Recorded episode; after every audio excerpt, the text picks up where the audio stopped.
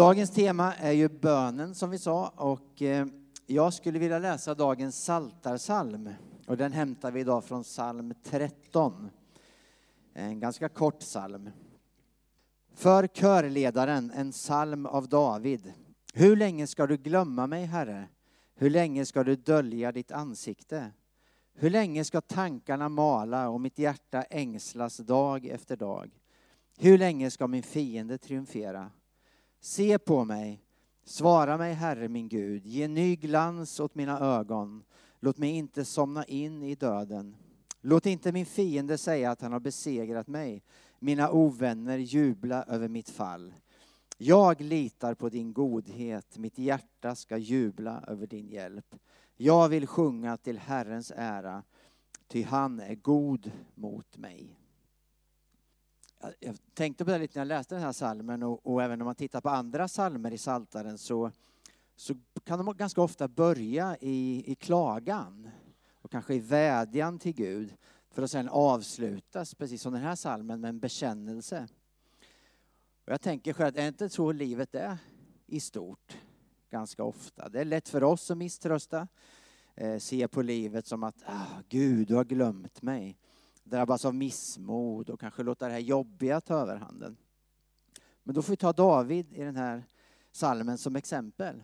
Han börjar med att våga säga till Gud som det är. Ställer de svåra frågorna till Gud. Och ropar till Gud om hjälp och svar på de bönerna vi har. Sen är det så härligt att se hur han i slutet av salmen faktiskt i sitt hjärta väljer att förtrösta på Gud och att lita på hans löften. Han säger det, jag litar på din godhet. Mitt hjärta ska jubla över din hjälp. Jag vill sjunga till Herrens ära, ty han är god mot mig. Kanske oavsett hur han kände där i början och han tyckte att Gud har glömt mig och du måste komma till min hjälp. Så väljer David att faktiskt lovsjunga Gud. Han väljer Gud. Och jag tror att det finns ett mönster i det här för oss att lära oss av också. Så, så, så här i början av gudstjänsten så får vi upplyfta våra hjärtan till Gud. Och så får vi be för den här gudstjänsten tillsammans. Jag tackar dig, Herre Jesus Kristus, att du är här mitt ibland oss. Tack för oss allihopa som har kommit hit idag och samlats för att få lovsjunga och upphöja ditt namn eh, här idag i FS kyrkan. Eh, jag tackar dig för att du vill vara mitt ibland oss. Jag tackar dig att du ska tala till våra hjärtan genom allt det som sägs och, och i musiken och, och, i predikan och allt, allting som sker i den här gudstjänsten, Herre. Tack att du är god mot oss. Tack för att du vill vårt bästa, Herre. Du vill svara på våra böner. Eh, jag tackar dig för att vi får vara dina barn, här och ropa till, till våran pappa. I Jesu namn. Amen. Låt oss då stå upp och lyssna till eh, dagens heliga evangelium. Temat idag är bönen och så här skriver evangelisten Matteus. Jesus sade, när ni ber ska ni inte göra som hycklarna. De älskar att stå och be i synagogorna och i gathörnen för att människorna ska se dem. Sannoliken, de har redan fått ut sin lön. Nej, när du ber, gå då in i din kammare, stäng dörren och be sedan till din fader som är i det fördolda. Då ska din fader som ser i det fördolda belöna dig. Och när ni ber ska ni inte rabbla tomma ord som hedningarna. De tror att de ska bli bönhörda för de många ordens skull. Gör inte som dem. Ty er fader vet vad ni behöver redan innan ni har bett honom om det. Så lyder det heliga evangeliet. Lovad vare du Kristus. Varsågoda och sitt. Tre gånger här får jag det till så säger Jesus när ni ber. När ni ber. Det låter så självklart i Jesu mun. Va? När ni ber. När det gäller bönen så är det ingenting som Jesus befaller oss att göra. Eh, för två söndagar sedan så kunde vi ju predika om det, att Jesus han befaller oss faktiskt att älska varandra. Detta befaller jag er, att ni ska älska varandra. Men det står inte någonstans där att han säger, detta befaller jag er, ni ska be. Ni måste be, utan han säger så här, när ni ber. När ni ber. Alltså det, det är så självklart. Naturligtvis är det så självklart. Det är så onaturligt att inte be. Det är så onaturligt att ett barn inte ska få träffa och vara tillsammans med sin pappa. Det är onaturligt. Ett barn ska vara nära sin pappa. Och Gud han är vår kära himmelske fader. Och det är det mest naturliga vi kan göra. Det är att vända oss till honom och be. Det är precis det som bönen handlar om. Att vi som Guds barn, vi kommer inför Gud, vi kommer till vår far, vi kommer till en öppen famn och han tar emot oss. Vi får komma till honom. Alltså tänk er själv när ett barn ramlar och slår sig. Vad händer då? Jo, de springer ju till mamma eller till pappa och de kanske gråter, de har slått sig och man springer till sin förälder. Det är kanske inte plåstret som hjälper utan just att mamma är där eller att pappa är där och frågar hur är det, hur gick det? Att bara få komma dit och sätta sig där och gråta ut och få tröst. Det är ju detta som är hemligheten med bönen. Att vi får komma till vår fader. Vi får vända oss till honom. Därför säger Jesus med en sån självklarhet, det är så naturligt. Han behöver liksom inte befalla oss att göra det. Han säger bara när ni ber. Och vid ett annat tillfälle när han säger det så säger han när ni ber, då ska ni säga Fader. Alltså detta är, detta är det största. Att få vara ett Guds barn. Att vi får kalla Gud för Fader. Att vi får komma inför honom och varje gång vi tänker på honom, varje gång vi vänder oss till honom så får vi säga pappa. Fader. Och det är Jesus själv som säger det. Varje gång så säg pappa. Säg fader. Det blir inte större än så här. Du kommer aldrig få någon större gåva i hela ditt liv än detta. Att genom det Jesus har gjort på korset för oss så är vägen till honom upp, upp till Fadern är öppen. Vi får komma till honom och så får vi säga Fader. Varje gång vi får tänka på honom som den gode Fadern. När ni ber, hör ni de orden? När ni ber. Och Jesus han talar om det, om bönen som en sån självklarhet och samma självklarhet finner vi också hos Jesus när han är 12 år. Och de hade gått upp till templet i Jerusalem, Maria och Josef och så tänk då den 12-årige Jesus, han hade fått följa med och Maria och Josef de hade vänt tillbaka hem men efter en stund så märkte de att nej, var är Jesus? Var är tolvåringen? Och Maria och Josef de skyndar tillbaka till Jerusalem och så letar de överallt. Var är han? Och till slut så finner de honom. Var finner de honom? Jo, i templet finner de Jesus. Och Maria kommer fram till Jesus och säger, hur, hur kunde du göra detta mot oss? Förstår du inte att vi är jätteoroliga? Jag och pappa är jätteoroliga. Hur kunde du göra så? Och så säger Jesus till dem med samma sån här självklarhet, bara helt naturligt så säger han, varför skulle ni leta efter mig? Varför skulle ni leta efter mig? Visste ni inte att jag måste vara hos min fader? I min faders hus. Varför skulle ni leta efter mig?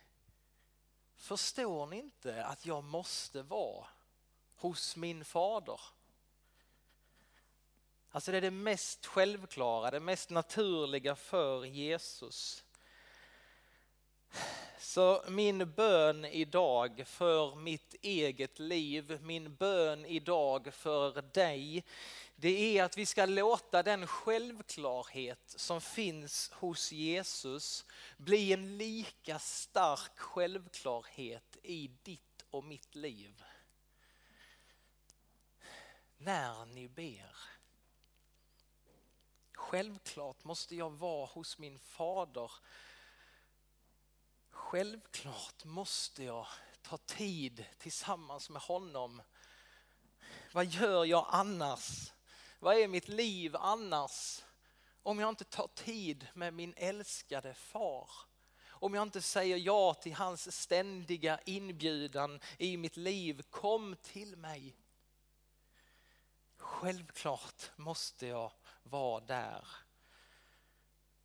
Gode Gud, må det bli en lika stark självklarhet i mitt liv. Lika självklart som att jag har tagit på mig kläder denna morgonen. Alla ni har tagit på er kläder också och det är jag tacksam för. Har alla borstat tänderna i morse? Jag hoppas det också. Du hade inte det? Jo, du hade gjort det. Alla, som man tar på sig kläder, som man borstar tänderna, lika självklart är det att få vända sig till min fader i bön. Han är en öppen famn. Och sen är det så fantastiskt också att i det här, i vår bön, så finns det någon som vill hjälpa oss att be. Och det är den helige ande som du och jag har fått ta emot. Den helige ande, han är vår personliga hjälpare och det står i bibeln att anden är den som stöder oss i vår svaghet. I romarbrevet står det det. Och kanske är det ett av de svagaste områden i våra liv, kanske just bönen. Och hans, Paulus han fortsätter så här att anden hjälper oss i vår svaghet. Vi vet ju inte hur vår bön egentligen bör vara, men anden vädjar för oss med rop utan ord. Från vårt inre så vädjar anden åt oss med rop utan ord. Anden vill hjälpa oss att förstå detta oerhörda, att vi får vara Guds barn. Paulus han säger det också. Anden själv, alltså den helige ande vittnar tillsammans med vår ande. Och vad vittnar den helige ande? Jo, om att vi är Guds barn. Den helige ande vill hjälpa dig och mig att förstå, inte som en intellektuell kunskap utan som en, att jag har min tillhörighet, min identitet, min trygghet är att jag får vara ett Guds barn. Och om du inte vet det, om du är osäker på om du är ett Guds barn så kan du få be den helige ande om hjälp.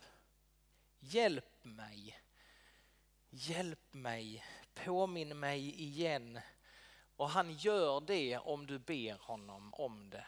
För han vittnar tillsammans med din ande om att du är ett Guds barn. Och det blir inte större än så. Vi får vara ett Guds barn, vi får komma inför Gud.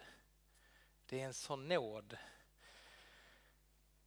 Det är en sån glädje men det finns eh, några saker, det finns några diken att hamna i i bönen.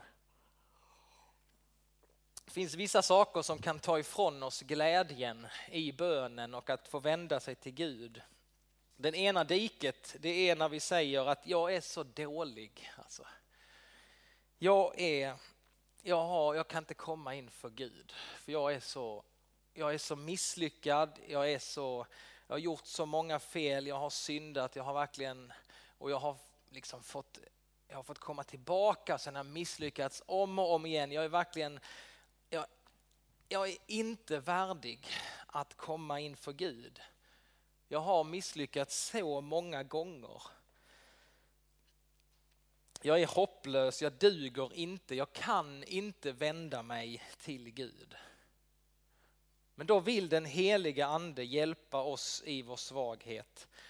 Och den heliga ande han säger till dig så här, vem, vem har inbillat dig att du får komma inför Gud i ditt eget namn? Alltså vem tror du att du kan komma inför Gud i ditt eget namn?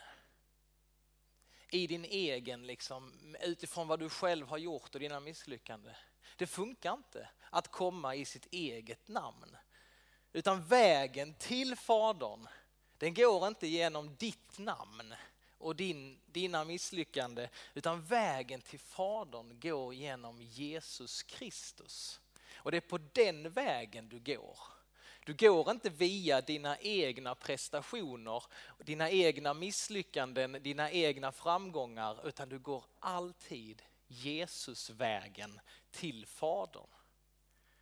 Så hur värdelös du än är, hur många gånger du än har misslyckats, så får du komma inför Fadern. Men du gör inte det i ditt eget namn, utan du går i Jesu namn. Du går tillsammans med Jesus, han som har dött och uppstått för dig. Han som har tagit ifrån dig all din skuld. Där är trösten. Där är vägen att gå. Du kan säga till Fadern, jag kommer inte i mitt eget namn utan jag går på den väg som du har öppnat för mig. Jag kommer i Jesu namn. Det andra som kan ta ifrån oss glädjen i bönen, det är att vi säger att jag är så, jag är för dålig, jag kan inte komma inför Gud. Det andra diket är att säga att jag är så bra. Det var det Jesus han sa om att man är så fångad i sig själv att man vill liksom visa för alla andra hur duktig och helig och vilket bra böneliv jag har. Att man ställer sig här, då ställer jag mig själv i centrum. Eh, mina, mitt lyckade, jag har liksom fått igång det här med bönen och bibelläsningen och kolla på mig, lyssna hur jag ber. Det är de personerna som Jesus talar om i evangelietexten. Han kallar dem för hycklarna som gillar att stå och be högt och tydligt så att alla hör. Han talar om sådana idag och han säger ni ska inte göra som hycklarna. De älskar att stå och be i synagogorna och i gathörnen för att människorna ska se dem. Och på Jesu tid så fanns det många sådana människor som älskade att stå och be i gathörnen. Vi har inte så många här i Helsingborg. Men eh, där och då så hade judarna tre bönetillfällen. Och då kunde man gå till templet och be de tre tillfällena. Men hann man inte till templet, då skulle man ändå be på det tillfället. Och då, då kanske man råkade hamna mitt ibland en folkmassa. Nu är klockan tre, nu ska jag be. Och så bad man högt och tydligt och så visar man att jag håller visst de här tre bönetillfällena och titta här så helig jag är. Man ordnade lite så att man ville ha andras uppmärksamhet. Men en Jesu lärjunge kan be i gathörnen eller på bussen eller på arbetsplatsen, i skolan, var vi än är så kan vi få komma in, vi kan få förnimma Faderns närhet. Var vi än är så kan vi få be och vända oss till Gud.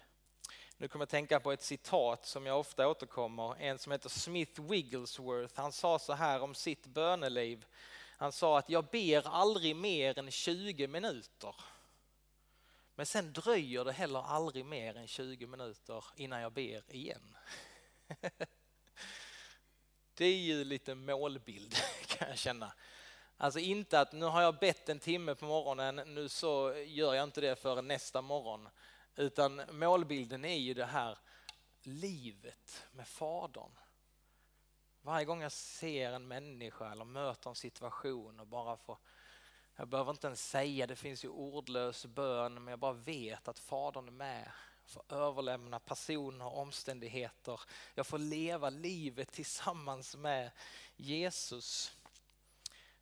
Och den här inre kammaren som Jesus talar om, det kanske inte, han kallar kanske inte oss bara att vi ska stänga dörren om oss och hitta det här tillfället, utan den här inre kammaren får vara ditt inre samtal med Gud, var du än är. Så kan du få ha det här inre samtalet med Fadern och du bryr dig inte så mycket om vad andra tänker och tycker om dig. Det är inte viktigt för att du är tillsammans med din far. När ni ber, när ni ber. När ni ber, säger Jesus, då ska ni inte rabbla tomma ord som hedningarna. De tror att de ska bli bönhörda för de många ordens skull.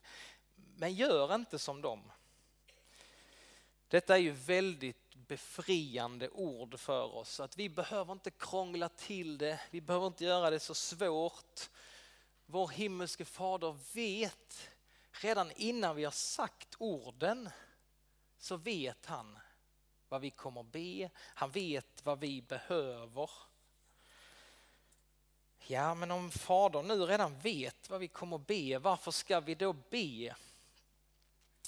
Ja, men fadern, fadern i himmelen är inte okunnig så att vi behöver informera honom. Han är inte tvekande mot oss så att vi behöver liksom övertyga honom om att ge oss goda gåvor. Han är vår far som älskar sina barn och han vet allt om din situation och om din nöd.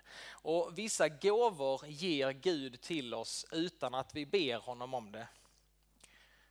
Hälsa, krafter, solsken, en ny dag, om du har ett hem att bo i, mat på bordet.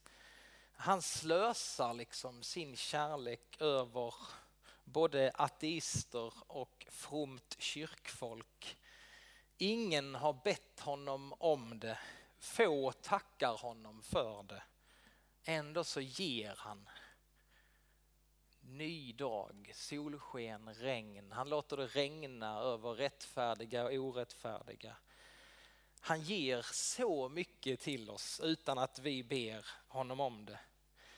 Men sen finns det vissa speciella gåvor som han ger bara åt dem som ber honom om det. Ta till exempel syndernas förlåtelse. Det kan man bara få om du ber om det. Frid med Gud. Det vill han ge till dem som ber honom om det. Glädjen i Gud det finns flera saker och att vi får dras in i bönen det innebär att vi kan få komma så nära så att han, han kan få ge oss de här sakerna. Genom bönen så ger vi Gud tillfälle att ge oss av de här goda gåvorna. Och han vill skydda dig med sin starka hand. Och vi får överlåta liksom allt i hans händer. Överlämna allt. Så till slut så tänker jag mig lite ett samtal med Jesus. Han säger så här till oss idag. När ni ber. Och så säger några av oss, ja men jag ber ju inte. När du ber, säger Jesus. När du ber. Ja men jag, jag ber ju inte. När du ber, säger Jesus till dig. När du, du, du kommer att be. Det är som en självklarhet och jag känner att vi får ta emot de här orden ifrån Jesus. Må den självklarheten också få bli en självklarhet i våra liv. Jesus han kallar dig till sig. Och du och jag, vi har inte råd att inte komma till honom. Vi ber tillsammans.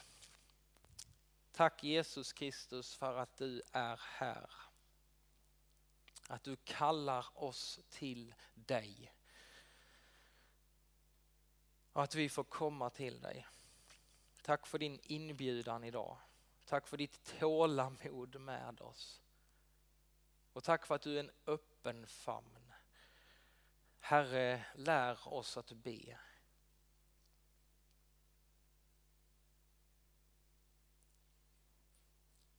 I Jesu namn. Amen. Och nu ska vi få be en sån här bön som det händer liksom inte om vi inte ber honom om det. Vi ska få be om syndernas förlåtelse. Vi får lämna över allting till vår fader och så får vi ta emot hans frid, hans förlåtelse och hans kärlek. Låt oss be tillsammans. Jag bekänner inför dig helige Gud att jag ofta och på många sätt har syndat med tankar, ord och gärningar.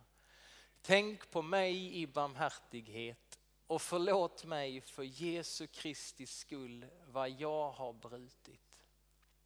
Herre, hör nu varje hjärtas tysta bön och bekännelse.